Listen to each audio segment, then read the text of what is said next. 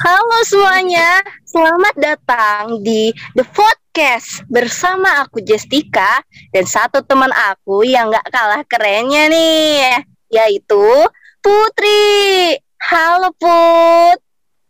Halo Jess. Halo semuanya. Aku Putri. Di sini kita berdua akan seru-seruan bareng nih. So, di episode perdana kita kali ini, mungkin kita bakal berbagi cerita sedikit nih tentang tujuan dan motivasi kita untuk podcast ini. Nah, ceritanya kita terinspirasi membuat podcast ini tuh karena mengkampanyekan isu-isu kesadaran hukum dan HAM di masyarakat nantinya. Nah, bener banget tuh guys. Oh iya Put, kita kenalan lebih jauh dulu yuk sama pendengar kita biar lebih deket gitu supaya biar kita bisa nyampein podcast ini secara seru nih. Oke Jess, kalau gitu perkenalan dari aku dulu ya. Halo teman-teman, perkenalkan aku Putri Irmawati, berasal dari Forum Pelajar Sadar Hukum dan Hak Asasi Manusia Kota Depok. Aku seorang pelajar yang duduk di bangku kelas 11. Aku berasal dari sekolah SMK Citra Negara. Kesibukan aku sekarang yaitu belajar online di rumah, mengikuti kegiatan di luar sekolah yaitu FPSH. Dan juga di mana aku itu ingin mencari pengalaman dan hal-hal baru dalam kehidupan aku nih. Nah, kalian udah tahu belum apa kepanjangan dari FPSH itu? FPSH kepanjangan dari Forum Pelajar Sadar Hukum dan Hak Asasi Manusia. Nah, itu kepanjangannya, teman-teman. Nah, maka dari itu teman-teman harus dengerin ya percakapan kita sampai selesai agar mengetahui apa sih tentang FPSA itu. Oh ya, itu aja sih perkenalan dari aku. Nah, kalian juga harus dengerin nih kesibukan teman aku yang satu ini nih. Halo Jess. Halo, halo. Oke, jadi aku sama kayak Putri nih. Aku Jessica Aisyah Kordak berasal dari FPS Saham Kota Depok nih atau Forum Pelajar Sadar Hukum di Kota Depok. Dan diriku masih duduk di kelas 11 SMK di SMK Tenas Media Depok. Ya, kesibukanku nggak jauh-jauh lah ya dari Putri, belajar online dan mengikuti kegiatan di luar sekolah seperti forum FPSH ini nih. Dan pada masa sekarang ini lagi dihadapkan dengan proyek-proyek PKL Ya walau jadwal kegiatan yang banyak dan diriku tuh begitu seneng banget mengikuti kegiatan seperti FPSH ini yang tadinya aku kira akan sangat membosankan dan sangat-sangat melelahkan. Nyatanya itu perihal hoax di pikiranku banget. Ya karena di dalam organisasi forum inilah aku mendapatkan banyak dukungan semangat dan motivasi serta pelajaran pengalaman guna untuk memberikan kesadaran hukum bagi setiap masyarakat dan pelajar dalam berkehidupan berkemasyarakatan nih. Oke, okay, jadi itu dia perkenalan singkat dari aku, Jessica. Nah, kembali ke awal yang tadi nih, Put. Kita berasal ya. dari SPSH, ya. Mungkin terdengar asing nih untuk beberapa orang. Bener banget nih Jess. Nah. Maka dari itu, di episode pertama kita ini kita bakal bahas ini loh. Wah, pasti seru banget nih. Pasti kalian yang dengerin juga udah gak sabar kan? Nah, by the way, langsung aja kayaknya kita ngobrol sama tamu spesial kita. Siapa lagi kalau bukan Kang Nandi? Halo Kang. Halo teman-teman semua. Halo. Oke, jadi Kang Nandi selain tamu spesial di sini, tapi juga orang spesial di FPSH Jawa Barat, teman-teman. Yuk, kita ngobrol bersama Kang Nandi dan cari tahu juga tentang Kang Nandi. Halo Kang, apa kabar? Halo Deputri, sehat? Alhamdulillah. Gimana Deputri? Dan Dejes sehat juga ya.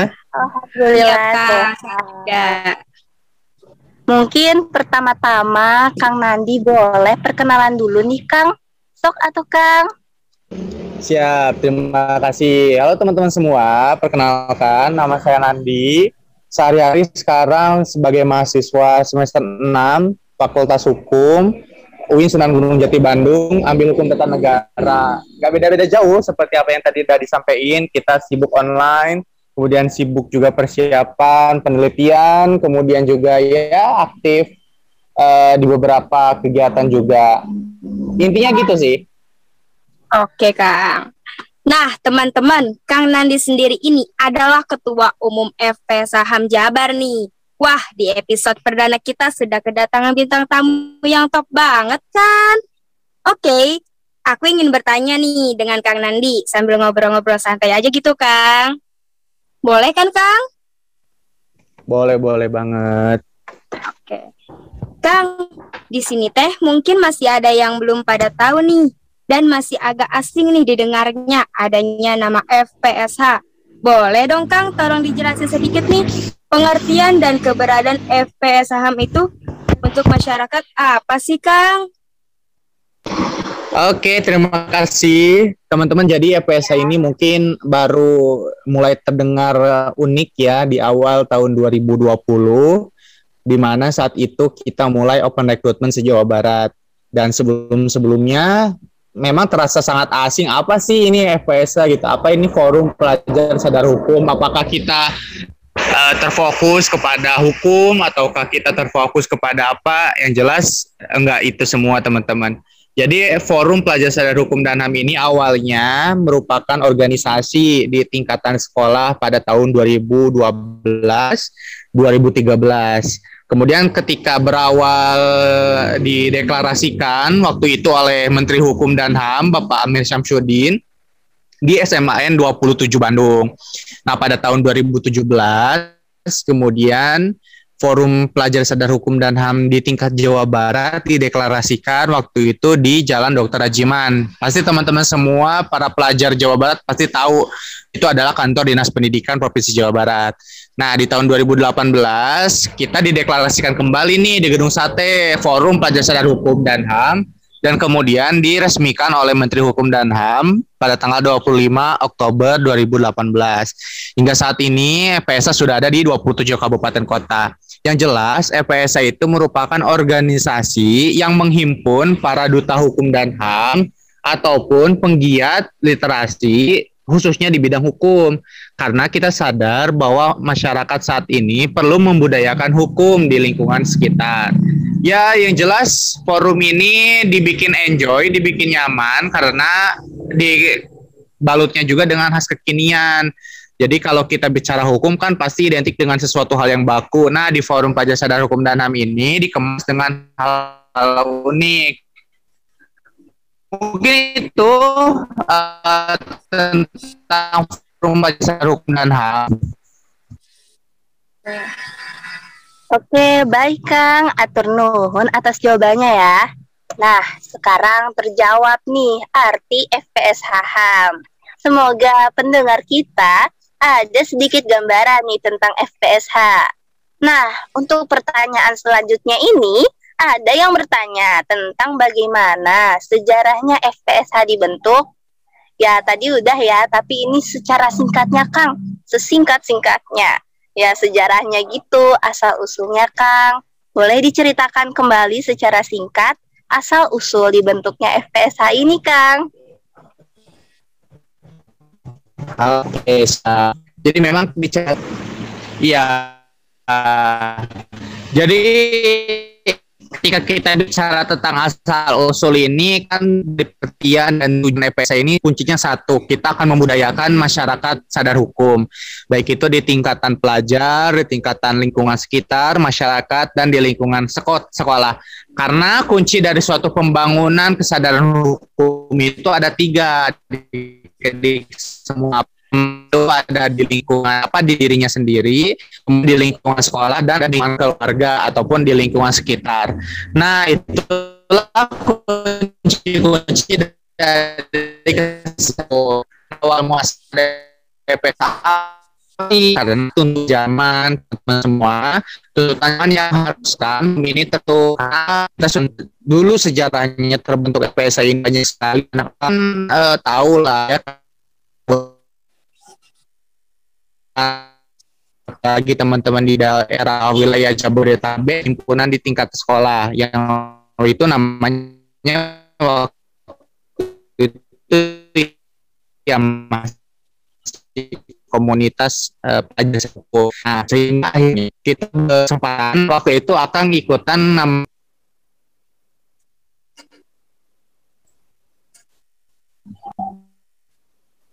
Nah, waktu itu akan ikutan kegiatan uh, kawah kepemimpinan pelajar. Nah, kawah kepemimpinan pelajar itu yang menghantarkan kita dikumpulkan se-Jawa Barat untuk tutor pertama kali pembentukan forum Pancasila Hukum tahun 2016. Nah, akhirnya dibentuklah Forum Sadar Hukum dan HAM waktu itu baru rintisan awal gitu. Nah, sehingga tahun 2017 FSA ini terbentuk, kemudian 2018 dan hingga sekarang mungkin sudah ada di Kota Depok dan sekitarnya ada di 27 kabupaten kota. Mungkin itu, Dejes. Oke, Kang. Nah, teman-teman, udah pada tahu kan asal-usulnya? Keren banget kan, teman-teman? Nah, selanjutnya pertanyaan untuk Kang Nandi sendiri nih. Akang, Akang, Akang teh ketua perdana di FP Saham kan ya? Pasti sudah banyak mengalami suka dan dukanya selama menjabat di FPS Saham Jawa Barat kan? Boleh dong Kang diceritakan pengalaman Akang selama menjabat sebagai Ketua FPS Saham di Jawa Barat. Mangga atuh Kang. Siap, Deputri. Ya betul. Jadi ya. memang akan secara pribadi merupakan ketua pertama di EPS Jawa Barat dan insya Allah ya mungkin di tahun ini kita akan ada regenerasi kepengurusan. Mengingat sebelumnya kami juga sudah mengusulkan pergantian ini sejak bulan uh, Oktober 2020. Namun karena memang pandemi Covid yang mengharuskan ketika pertemuan regenerasi ini dikumpulkan secara langsung di satu tempat karena itu menganut uh, kepada peratur apa keputusan gubernur itu sendiri teman-teman semua. Nah, kalau suka dukanya itu yang jelas pasti banyak sukanya ya, walaupun diselingi dengan duka. Yang jelas apa? Kita semua sebagai uh, calon pemimpin lah. Kita bisa menganalogikan diri kita ini sebagai calon pemimpin. Kita harus banyak sekali mencari pengalaman. Ya sukanya itu kita punya teman di 27 kabupaten kota, kita punya adik-adik yang saling bisa dimengerti dan sebagainya. Akang sendiri di angkatan Akang di angkatan perdana ini punya lebih kurang lebih eh 200 teman ya se Jawa Barat. Angkatan perintis ini. Kemudian sekarang ditambah dengan adik-adik Akang di 27 kabupaten kota yang jelas banyak sekali. Kemudian kita bisa datang ketemu dengan para pejabat yang di mana itu hanya orang lain mungkin bisa nonton di TV doang ataupun mendengar melalui surat apa mendengar melalui radio, membaca di surat kabar. Tapi ya kita bisa ketemu langsung gitu. Itu kan satu buah uh, pres, bukan prestasi ya, satu buah uh, apa ya kebanggaan lah bagi akal sendiri gitu. Nah kalau dukanya itu yang jelas apa? Karena kan FPSA ini adalah organisasi volunteer, organisasi relawan, tidak semerta-merta kemitraan dengan pemerintah setempat gitu kan, pemerintah daerah ataupun pemerintah kabupaten kota. Kita mandiri gitu. Nah, kita bikin kegiatan yang tidak selalu disupport oleh finansial, tapi kita harus mencari inovasi dan kreativitas sendiri gitu. Jadi ya hal-hal seperti itulah yang membuat justru lebih semangat gitu karena kan untuk menghidupkan organisasi ya kita menunjukkan aksi kemudian kita realisasikan aksi tersebut dan akan menjadi prestasi mungkin itu sih suka dukanya Teh Putri Aduh, wah hebat banget ya jadi Kang Nandi Teh sebagai ketua di FPSH Jawa Barat nih teman-teman. Terima kasih ya Kang sudah mau berbagi pengalaman Akang kepada para pendengar kita. Nah, kita lanjut ke pertanyaan selanjutnya ya, Kang. Nah, tadi sudah kita bahas bersama tentang arti FPSH kan ya.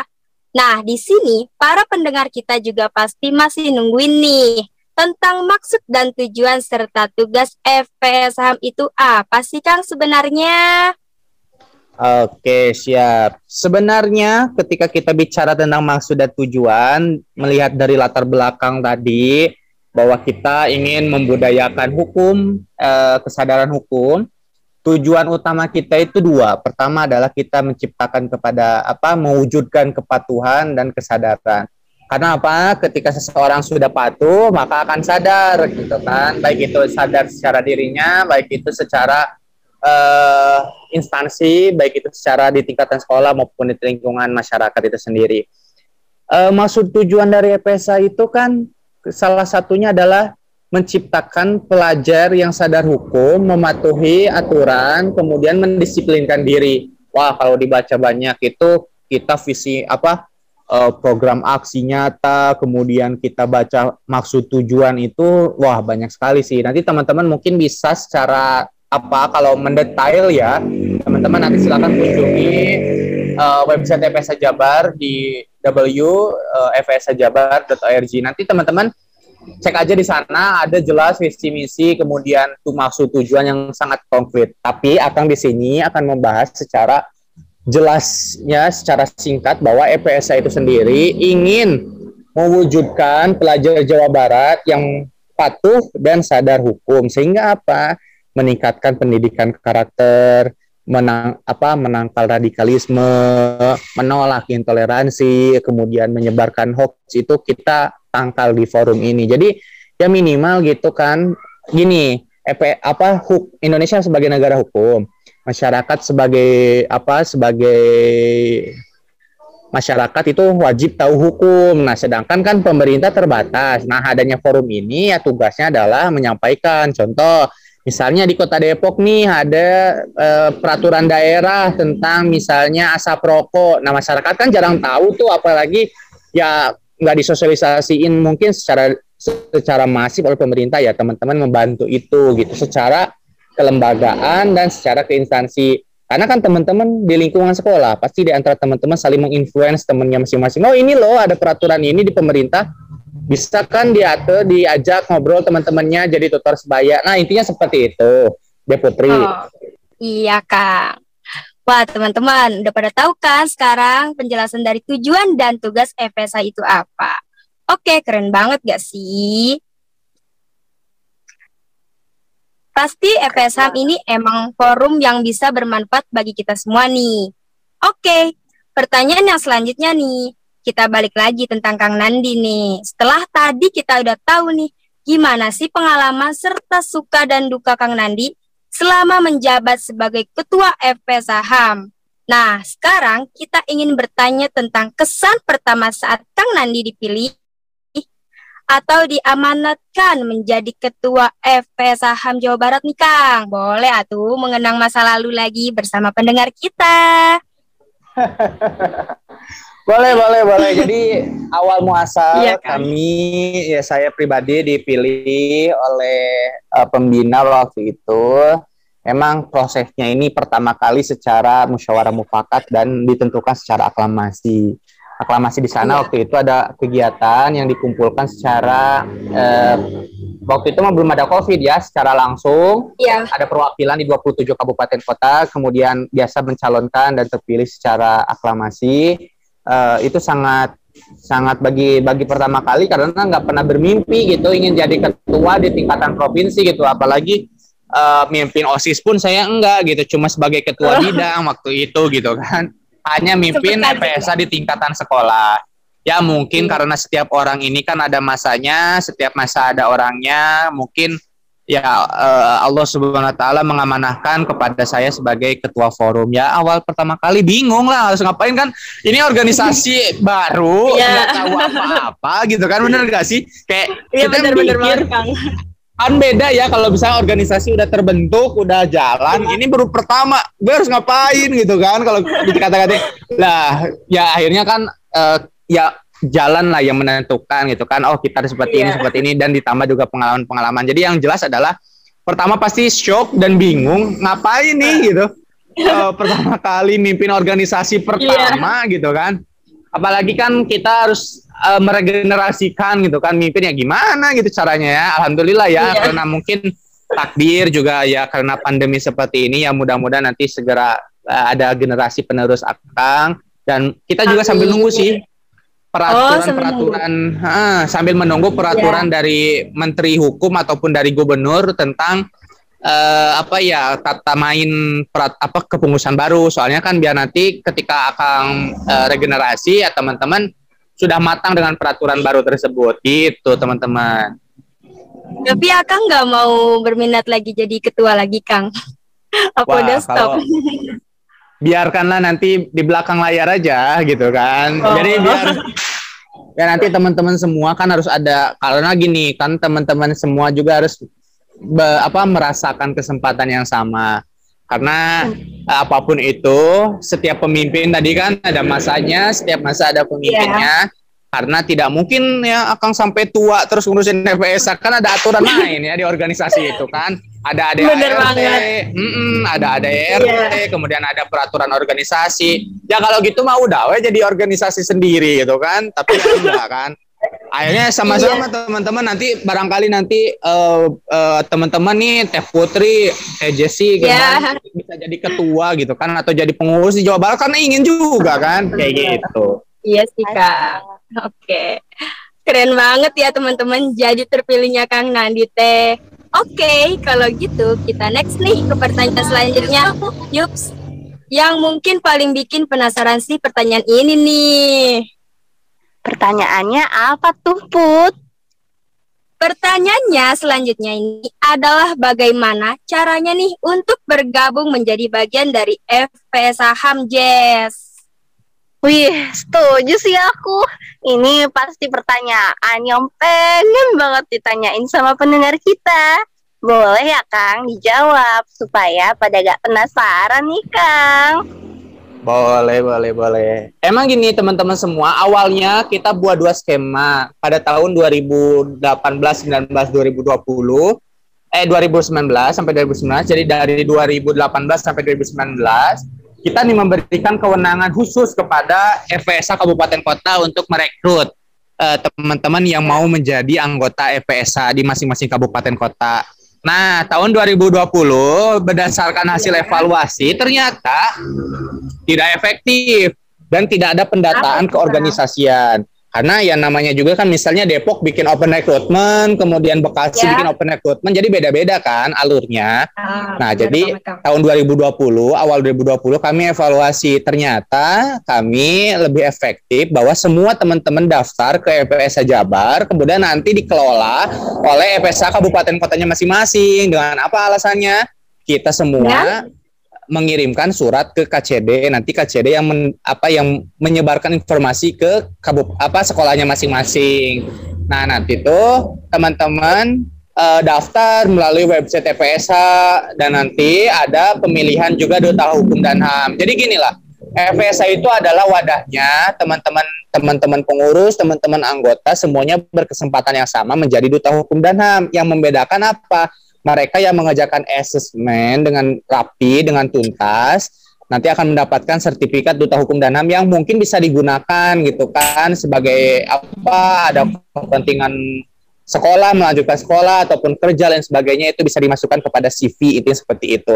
Jadi oh. sebagai bukti ke keaktifan. Nah, jadi nanti kalau mau gabung ke EPSA tahun 2021 kami akan membuka apa persiapan pembukaan ini kurang lebih di bulan September lah. September Oktober.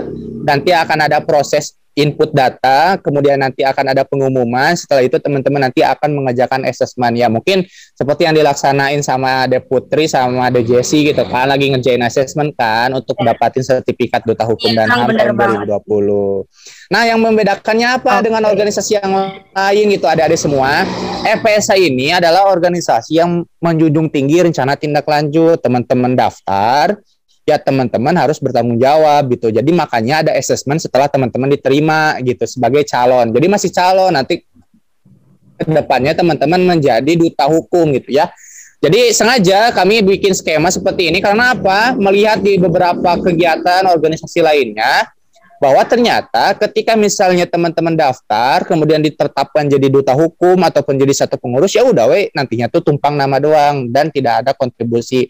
Nah, kami ingin teman-teman FPSA ini memberikan kontribusi lah karena sebaik-baiknya manusia adalah orang yang bermanfaat bagi orang lain. Mungkin itu Oke, Kang. Nah, teman-teman udah pada tahu kan bagaimana caranya bergabung dengan FP Saham? Sudah jelaskan dan paham dan pantau terus ya IG-IG FP Saham. Oke? Terima kasih ya, Kang, atas jawabannya. Oke, oke. Siap, sama-sama, sama-sama. Oke, Kang. Kalau gitu kita lanjut lagi nih ya ke pertanyaan selanjutnya. Pertanyaan selanjutnya. Ntar dulu, Jess. Yes. Ntar dulu nih. Pertanyaannya kan udah habis. Pertanyaan sudah habis loh. Wah, wah iya ya. Udah habis aja nih, Put. Ya, udah selesai nih foto kita sama bintang tamu yang keren alias Kang Nandi. Cepet banget deh, nggak kerasa aja udah di penghujung acaranya, Put. Aduh. Iya nih, tapi Jess, jangan sedih ya teman-teman. Soalnya kita akan kembali lagi membahas FPS saham lebih jauh. Dan materi-materi yang seru dan fun tentunya. Yes, aku nggak sabar banget nih, Put. Aduh, Justika sabar dong. Kita pasti kembali lagi kok menemani para pendengar setia kita yang masih dengerin acara kita dari awal sampai akhir nih. Yaps, tenang aja ya guys. Kita pasti kembali, oke? Okay? Stay tune terus ya. Dan kita juga mau berterima kasih nih dengan Kang Nandi yang sudah bersedia menjadi tamu spesial kita hari ini. Oke, bener banget nih. Ya, Terima kasih banyak ya, Kang, atas waktu dan jawabannya, Kang. Maaf nih, Kang, ada kendala-kendala sedikit. Gak apa-apa, sehat-sehat selalu semuanya teman-teman. Satu pesan ya sebelum berakhir, teman-teman ya, semua apa? sebagai sebagai pemimpin masa depan harus mempersiapkan masa depan ini dengan baik. Rajinlah berorganisasi, rajinlah menuntut ilmu, rajin membaca. Suatu saat teman-teman kita dengerin podcast, teman-teman sudah jadi pejabat gitu ya. Ada yang jadi gubernur, ada yang jadi bupati, apakah jadi wali kota dan sebagainya. Ingat, masa depan nggak ada yang bisa tahu teman-teman harus mempersiapkan. Bisa aja nanti teman-teman diajak jadi menteri kan harus siap. Ya intinya iya, harus berbekal dulu organisasi. Mungkin itu teman-teman. Sehat selalu ya. Iya kak. Sehat selalu juga Oke, di penghujung acara akhirnya kami dari The Podcast juga sangat berterima kasih kepada para pendengar kita dan mohon maaf apabila ada kata yang kurang berkenan selama acara ini berlangsung. FP Saham Kota Depok. Suarakan HAM, tegakkan hukum. Sampai jumpa Sampai lagi. Jumpa lagi.